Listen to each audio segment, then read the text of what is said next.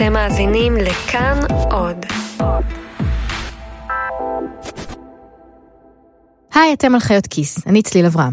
ולפני כמה שבועות הגיע מייל מעניין לתיבה שלנו. שלום, קוראים לי ירדן פריימן ואני תושב רמת הגולן, מושב נטור. אני מאזין כבר הרבה זמן לפרקים של חיות כיס ומאוד נהנה, אבל תמיד הפריע לי משהו. אני פשוט לא מתחבר להרבה מהדברים שאתם מדברים עליהם. כאילו אתם מדברים על עולם אחר.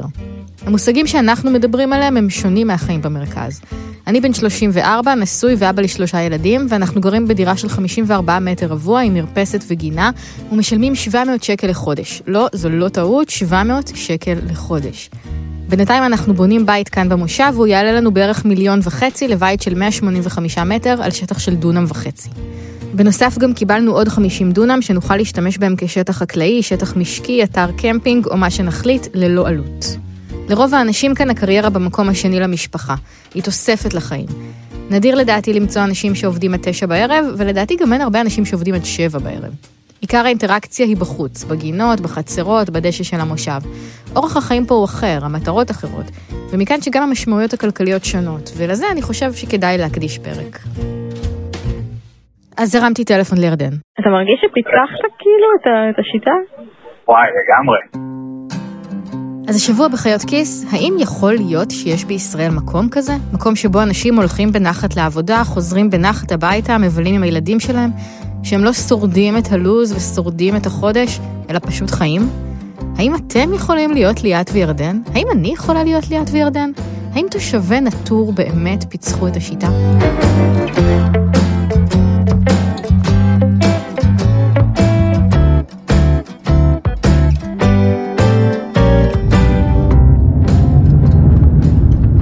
לנסוע לנטור מרגיש כמו לנסוע עד לקצה המדינה, ואז לנסוע עוד קצת. אתם נוהגים את כל הדרך הרגילה לצפון, עוברים את צומת אלונים ואת צומת גולני, יורדים את הירידות של הכנרת, עולים את העליות של רמת הגולן, ואז נוסעים עוד 20 דקות. כששמעתי רמת הגולן, חשבתי על צפון רמת הגולן, איפה שיש קייקים וצימרים, אזור מאוד מתויר וקרוב יחסית לאצבע הגליל, אבל נטור נמצא בדרום רמת הגולן, ושם אין כלום.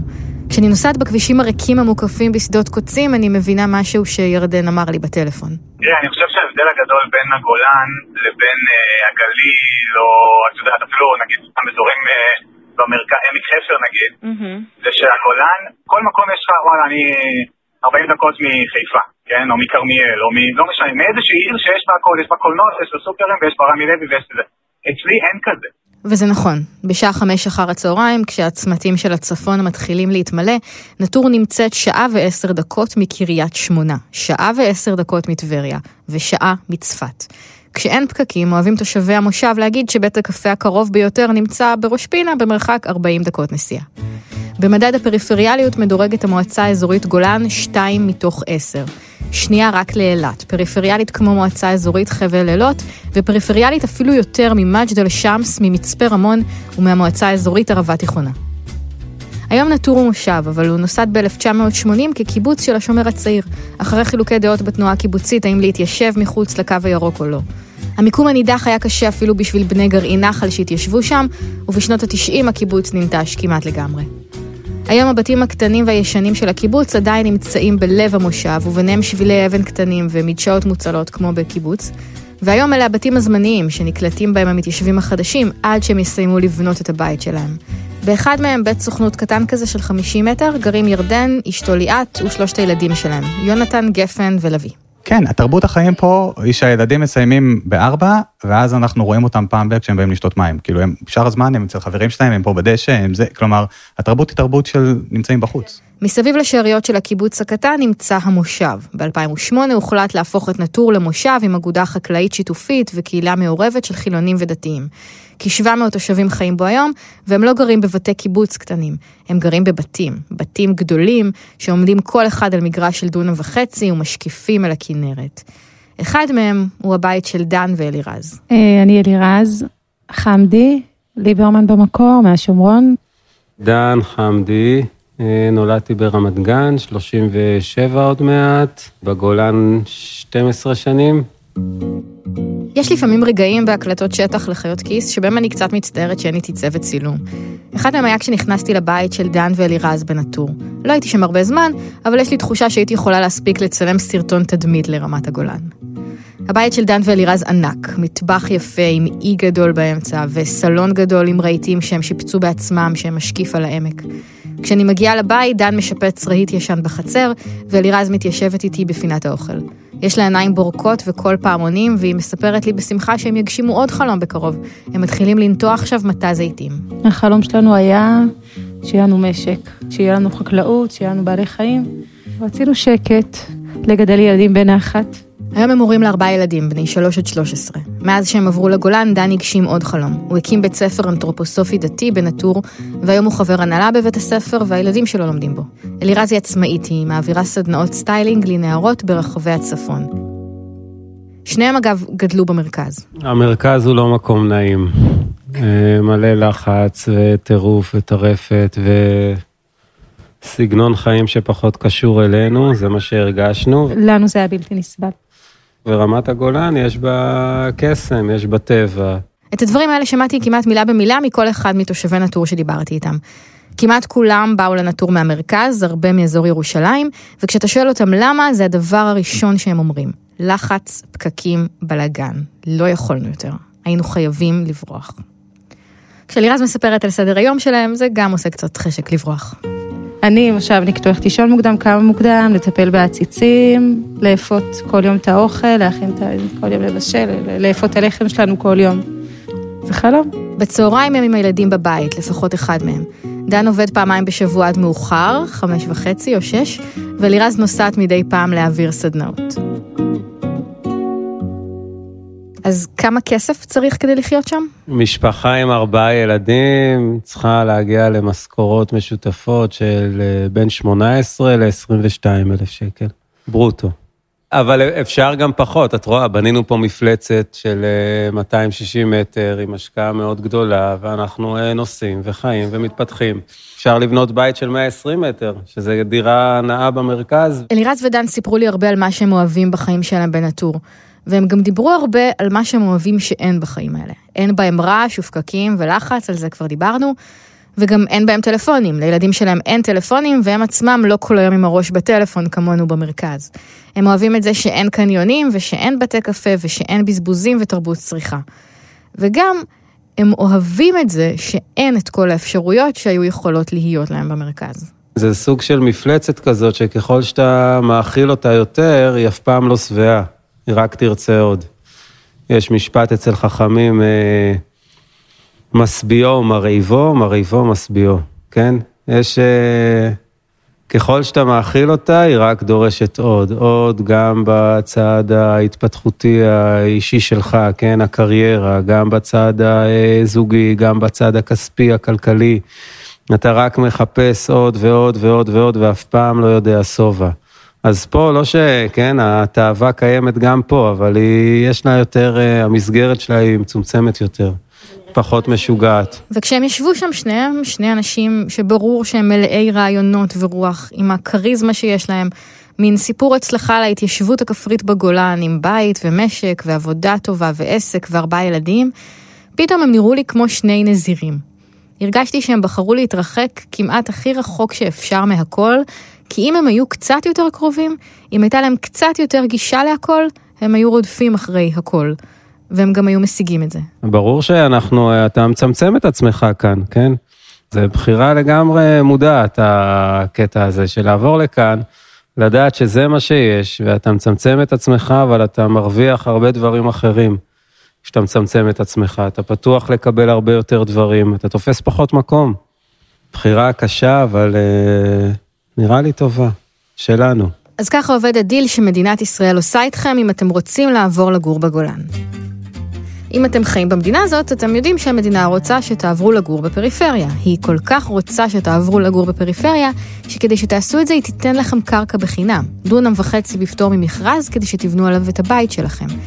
אם תצטרפו גם לאגודה החקלאית של נטור, תקבלו עוד 50 דונם, גם בלי תשלום, בפטור ממכרז. אבל כדי לעשות את זה תצטרכו לעבור תהליך קבלה. לא ועדת קבלה, אלא תהליך מאוד מאוד ארוך, מין הריון בירוקרטי. המטרה שלו היא שתבינו מה המשמעות של לחיות במרחק של 40 דקות נסיעה מבית מרקחת, ומה זה אומר כשאי אפשר פשוט לרשום את הילד לצהרון או לחוג כי אין מוצר כזה בשוק, אתם צריכים לארגן אותו לעצמכם. תהליך הקליטה הזה כולל שיחת היכרות ושבת קליטה ואבחון במכון מיון, וגם חצי שנה של מועמדות, שבה אתם צריכים לגור ביישוב. וגם בזמן שאתם בונים את הבית שלכם, אתם לא יכולים להמשיך לשכור דירה בירושלים נניח, ולחכות שיהיה מוכן. אתם צריכים לגור כל הזמן הזה באחת מהדירות הקיבוציות הקטנות, ולהתחיל להשתלב בקהילה. ככה הקהילה של נטור, למשל, מסננת החוצה אנשים שרוצים לקבל קרקע בחינם כדי להשכיר אותה או להפוך אותה לאתר נופש. אחת התושבות של נטור קראה לכל התהליך הזה סיירת מטכ"ל.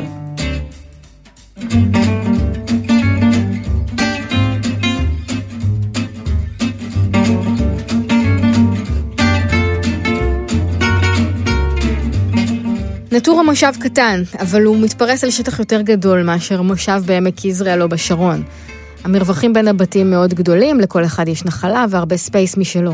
אז כדי לפגוש את קרן ויונתן, ירדן ואני נוסעים במכונית. יש שתי אפשרויות למיקום של המפגש. אני בדרך אליכם, איפה המחלבה שלכם? ליד הלולים? את רוצה במחלבה או בבית? במחלבה, במחלבה. היא רוצה במחלבה, אחי, היא באה מתל אביב, לא באה לראות את הבית שלך מסין. אם דן ואלירז הם קצה הסקאלה של הגשמת החלום של ההתיישבות הכפרית בגולן, קרן ויונתן נמצאים איפשהו בדרך. הם באו מאזור אשקלון. הוא עבד שם מהבוקר עד הלילה במכירות, והיא עבדה לילות ושבתות בשדה תעופה. הם בקושי ראו אחד את השני. זה לא התאים להם והם חיפשו משהו אחר. אבל בהתחלה הם נתקעו בקיר. הקטע של להיות שכיר, לדעתי הוא פחות עובד פה, אלא אם כן מצאת עבודה ממש ממש טובה. אמ, הייתי שכיר תקופה אה, בהולנדיה, והנסיעות לחיפה הלוך חזור כל יום, שעה וחצי פלוס מינוס, אז זה האתגר. אז אם אתה לא מוצא עבודה ממש קרוב, באזור הגולן, במועצה או בחינוך, ואתה לא רוצה להיות שעה וחצי על הכביש כל יום, צריך למצוא פתרון אחר. אם אתה בסגנון של להיות עצמאי, ויש לך את היכולת ליזום ולהקים עסקים שמתאימים לאזור פה, אז uh, אתה יכול לפצח את, ה, את הנוסחה הזאת של המרוץ עכברים הזה, וזה המקום, כי בית פה לא עולה הרבה. עכשיו הם כבר פיצחו, או לפחות הם ממש על הסף של פיצוח. המחלבה שהם סיימו לבנות בת כמה ימים, והם מתכננים להכין גבינות צאן. אבל עכשיו יש עוד נוסחה שהם צריכים לפצח. לפני כמה שנים הבן הגדול שלהם, איתן, התחיל ללכת לחוג טניס. ואז הייתה בעיה, כי התגלה שאיתן ממש ממש טוב בטניס. המרכז טניס הכי קרוב שיש פה בקריית שמונה. אז אמרנו, טוב, פעם בשבוע חוג לילד יהיה בסדר, לא נורא. זה מפעם בשבוע זה נהיה פעמיים, ושלוש וארבע וחמש, ומי להתאמן כל יום בקריית שמונה, הוא עבר להתאמן כל יום בעכו. אז היא הייתה מסיעה אותו, כל יום הלוך, חוזר לעכו, יושבת איתו שעתיים שלוש, חוזרת, כל יום זה ככה. ואז תחרויות בחו"ל, ותחרויות רובן במרכז. אה, אז זה לנסוע ולחזור ולנסוע ולחזור ולנסוע ולסגור. 60 אלף בשנה ככה בלי בעיה. 60 אלף הקילומטרים שקרן נוסעת בשנה לאימונים ותחרויות טניס, ממחישים לי שכשהם מחליטים להתפשר, לא תמיד יודעים על מה בדיוק מתפשרים. לפעמים המחיר מתברר רק בהמשך. אני שואלת את קרן ויונתן כמה כסף צריך לחיות בגולן, בלי ילד טניסאי. לא צריך יותר מ-15 פה. 3,000 על הבית, ארנונה, מיסוי, זה, זה, זה, זה.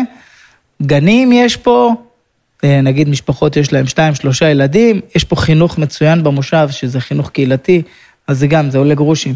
אה, מה שלדעתי עולה המון אה, במרכז. 15, אני צודק, זה בממוצע נראה לי הסכום שאתה חיים פה טוב. השכר הממוצע ברמת הגולן מתיישר עם מה שהם אומרים, עשרת אלפים שקל ברוטו לגבר, ששת אלפים שבע מאות שקל לאישה. יש במועצה האזורית גולן כאלף עצמאים, וההכנסה הממוצעת לעצמאי היא 8,400 שקל. הטבת מס לתושבי אזור עדיפות לאומית מחזירה להם 10% ממס ההכנסה שהם משלמים בסוף כל שנה. ברבע לארבע ירדן ואני הולכים לאשכול הגנים של המושב. שם מתגשם כל מה שהוא הבטיח לי במייל. שלום, חפים? השעה רבע לארבע ורוב ההורים כבר לקחו את הילדים הביתה. ב-400 ירדן ושני הילדים הגדולים שלו, יונתן וגפן, כבר על הדשא של המושב עם ארטיק ביד. הילדים מסתובבים על הדשא, עוברים בין החצרות הקטנות שליד הבתים, ההורים יושבים בחצר, בעיקר אמהות בחופשות לידה נורא ארוכות. הרוב לוקחות חופשת לידה של בין שמונה חודשים לשנה, והרבה לוקחות גם יותר. ולהרבה נשים שאני מדברת איתן שם יש את אותו סיפור. באיזשהו שלב הרגשתי שכבר מיציתי את התחום של החינוך, ובמסגרת האימונים שלי בסטודיו על כושר, החלטתי שאני יוצאת לקורס מדריכי כושר. במקצוע מדריכת רכיבה ורכיבה טיפולית, כרגע בהפסקה מהתחום, ומחפשת את יהודי בעולם. יש לי חברה שפתחה אה, עסק של קודטוריה, היא עופה עוגות ומוכרת אותם, חברה אחרת שמכינה ארוחות לטיולים, פיק, ערכות פיקניק, חברה אחרת שהיא דולה. יש פה גם נשים שעובדות ברפואה אלטרנטיבית, טיפול. הרבה פעמים זה קורה מתוך מקום שנשים יוצאות לחופשות, לחופשת לידה ארוכה, ואז כבר אה, הראש נפתח ומשנות כיוון, מגישים עוד חלום. כשאנחנו חוזרים לדירה, ירדן וליאת מסכימים להראות לי את האקסל שלהם. הקובץ של ההוצאות המשפחתיות, שבו כתוב איך חיים בגולן עם שלושה ילדים. ארנונה חישבנו, אנחנו לא יודעים, אבל בערך 550 שקל לחודש. אה, משכנתה זה מה שביקשנו, כן? כרטיסי אשראי 6,000, אז uh, כולל מה? אז ככה נראה החלום במספרים. עבור דירה זמנית במושב, עד שהבית שלהם יהיה מוכן, ליאת וירדן משלמים 700 שקל. את הקרקע שעליה הם בונים בית הם קיבלו בחינם, בחכירה מהמינהל, והבית שהם בונים עולה מיליון ושבע מאות אלף שקל. כשהם מוכן הם ישלמו משכנתה של קצת פחות מ-4,000 שקל בחודש, וכ-550 שקל ארנונה. 400 שקל הם משלמים למושב, מיסי קהילה, 2,300 שקל הם ישלמו על הגן של אבי, הבן הקטן שלהם, ו-600 על הצהרון של גפן האמצעית. חוג ליונתן עולה 100 שקל, מים 100 שקל, 6,000 שקל בחודש הם מוציאים על אוכל, דלק, חשבונות חשמל, אינטרנט וסלולר. 400 שקל בחודש הם חוסכים לילדים. בייביסיטר? אין. ג'ימבורי? אין. בזבוזים? אין. סך הכל פחות מ-14,000 שקלים בחודש. כשחופשת הלידה של ליאת תסתיים והיא תחזור לעבוד, זה אמור להסתדר בלי בעיות. רק אחר כך, כשאני פוגשת את אלאור, אני שומעת כמה מסובך להגשים את החלום הזה, וכמה זמן ואורך נשימה צריך כדי להגיע לשתי משכורות ממוצעות ברמת הגולן.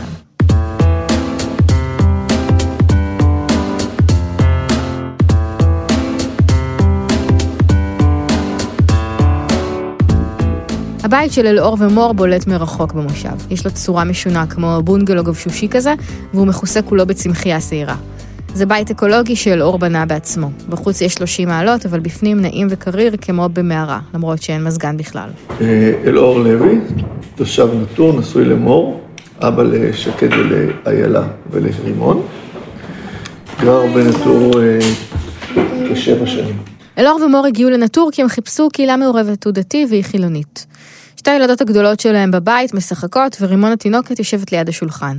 אלאור מדבר איתי תוך כדי שהוא חוצה בשבילה בסכין ענבים לחצאים, ומספר איך הם הרגישו שלא נכון לגדל ילדים בלחץ ובניכור שהיה בירושלים. נראה לי שאני מדבר כדי שהיא תוכל להקליט אותי. אני מספרת לאלאור איך הגעתי לפה, על המייל מירדן ועל שיחת הטלפון איתו ועל זה שהוא אמר לי שהוא מרגיש שהוא פיצח את השיטה. אלאור פחות מתחבר. מבחינת כלכלית זה יצר הרבה מאוד ברקסים. מבן אדם שריכז פרויקט ברמה לאומית, שרק תפס תאוצה. כלומר, אה, כשעזבתי את המרכז, הפרויקט הזה נכנס לכמעט 36 רשויות. הפרויקטים מאוד מאוד מצטמצמים לסביבה הקרובה. כל דבר שהוא קצת יותר אה, רחוק זה למעלה משעה וחצי נסיעה. פה בשנה הראשונה עשיתי בערך הכל, מהדרכות אה, שעברנו מבית לבית, פועל בחקלאות, פועל בבניין, אה, הכל. הוא החליט לפתח עסק של בנייה אקולוגית, לייעץ לאנשים שרוצים לבנות בתים כמו שלו, אבל זה לא ממש התרומם. לא הייתה לי את ההבנה עד כמה דלילות האוכלוסייה באזור הזה. ואז התחלתי להגיע לכוחות יותר, יותר ויותר רחוקים, עד שהבנתי שעוד פעם הגעתי לשלב הזה שאתה גר בגולן ועובד במרכז, וזה לא הגיוני. וכשאתה מבין שאתה מקים יותר פרויקטים במרכז מאשר פה בצפון, אז אתה...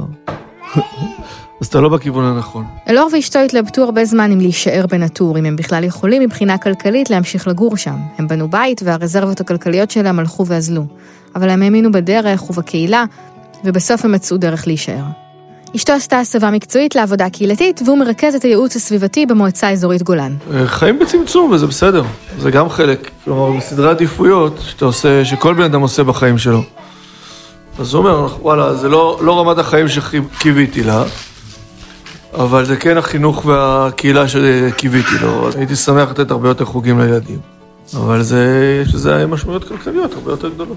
אה, את העובדה שהבת שלי הולכת ו... מזהה צמחים, את העובדה שאנחנו יכולים לצאת החוצה ולראות עדרים של צבעים ולפגוש דורבן בחצר או קיפוד או אה, אילנית או צפרדע או לראות ציפורים נודדות, דברים שאתה לא רואה בדרך כלל בחיים שהיו לך בירושלים. וזה לאו דווקא בגלל אם הם לא היו שם, זה פשוט כי אין לך את הפניות לראות אותם. אלאור שם על השולחן את מה שכבר שמענו בסיפורים האחרים בין השורות. כל משפחה שמגיעה לגולן עוברת תקופה של הסתגלות תעסוקתית שנמשכת לפחות שנתיים. מה היית אומר למישהו שמתלבט? שיעשה את זה כמה שיותר מוקדם בקריירה שלו, מתחיל מזה, ושיתכונן, אה, שיתכונן לחורף ארוך.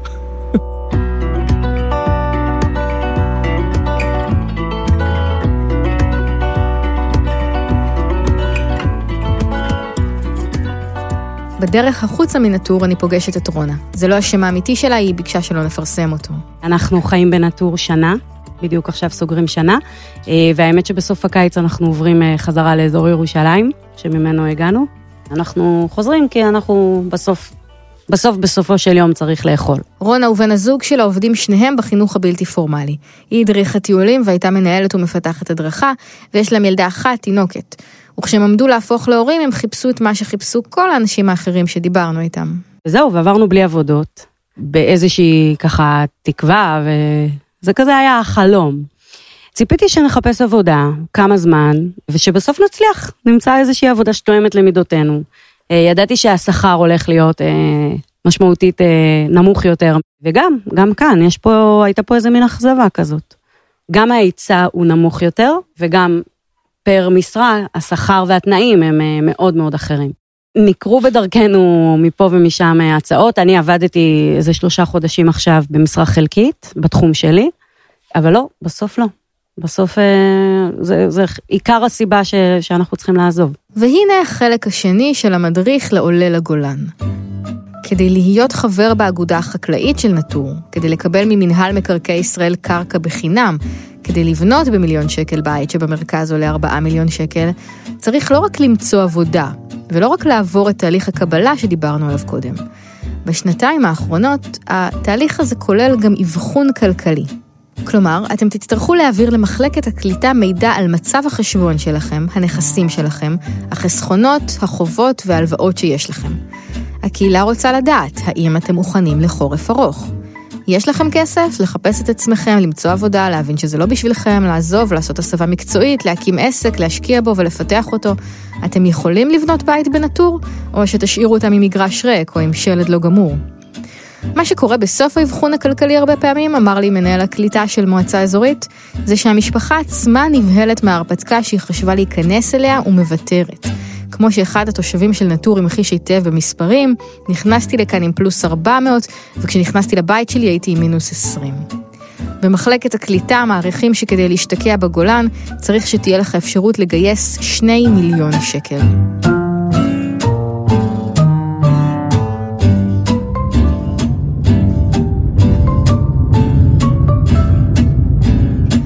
אני יוצאת מן הטור עם מטרה, להספיק למצוא תחנת דלק לפני שיגמר לי הדלק ולפני שיחשיך, ותחנה כזו נמצאת בסוף בעין גב, אחרי נסיעה די ארוכה בכביש פתלתל עם נוף מרהיב ובשקט מוחלט. אחר כך יש לי עוד שעתיים ועשר דקות לחשוב האם התושבים של נטור באמת פיצחו את השיטה. נטור היא לא הפתרון של מעמד הביניים הישראלי, היא לא איזה life hack, דרך לדפוק את המערכת, היא מקום טוב למי שיודע בדיוק מה הוא רוצה. למי שרוצה טבע, קהילה, פנאי וחיי משפחה, ומוכן תמורתם לוותר כמעט על כל דבר אחר. או למי שיש לו כיוון מקצועי אחד ברור, שיכול להתקיים לצד כל אלה בפריפריה העמוקה. ואולי גם למי שיש לו הרבה כסף לחפש ולגשש ולנסות, והרבה זמן, לפעמים אפילו שנים, כדי להגשים את החלום הזה. אבל השיחות עם הזוגות האלה על החיים שלהם גרמו לי לחשוב על משהו אחר. על כמה קשים החיים של משפחות צעירות במרכז, בשפלה, בגוש דן ובאזור ירושלים. על זה שאנשים צריכים להרחיק עד לקצה המדינה ולוותר על כל כך הרבה, כמו שדן חמדי אמר, לצמצם את עצמם ואת המקום שהם תופסים בעולם, כדי להגשים רצונות כל כך פשוטים. נכון, חלקם רצו להיות חקלאים ולגור בגולן, אבל הרבה מהם פשוט רצו להוציא את הילדים שלהם מהגן, ללכת איתם הביתה ברגל, לשחק בחוץ, להיות מסוגלים לעצור רגע ולשים לב לטבע. לא להעביר את כל היום בין פקק לפקק, במכונית, לחוצים ועצבניים. וזה חידד לי עד כמה הדברים האלה, אורך שבוע העבודה, הפקקים, משפיעים כל כך הרבה על האושר שלנו, ועד כמה הכמיהה של ישראלים לקצת יותר זמן פנוי וקצת יותר שקט כל כך גדולה. למה הם צריכים לנסוע כל כך רחוק בשביל זה? זה הזכיר לי פרק קלאסי של הסדרה הבית הלבן. בפרק הזה טובי, הקמפיינר של נשיא ארצות הברית, פוגש בבר גבר שמספר לו כמה קשה היה לו להצליח לשלם את שכר הלימוד של הבת שלו וכמה הוא היה צריך לעבוד בשביל זה. והוא אומר לו, אני לא מצפה שזה יהיה קל להכניס את הבת שלך לקולג', זה הגיוני שזה יהיה אתגר. אבל למה זה צריך להיות עד כדי כך קשה? למה זה לא יכול להיות טיפה יותר קל?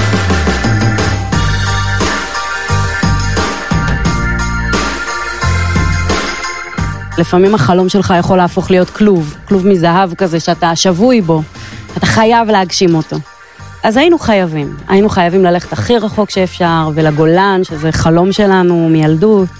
זה היה שיעור חשוב אז, אני חושבת עדיין שכאילו זה רגעים כאלה שגורמים לך להרגיש את המלך העולם. כאילו, אני יכול ככה. אני יכול לחיות בגולן, אני יכול מחר להיות בירושלים, אני יכול להיות באוזבקיסטן בעוד יומיים, כאילו, איזה משהו פלואידי כזה, זורם, יאללה, לא להיתקע.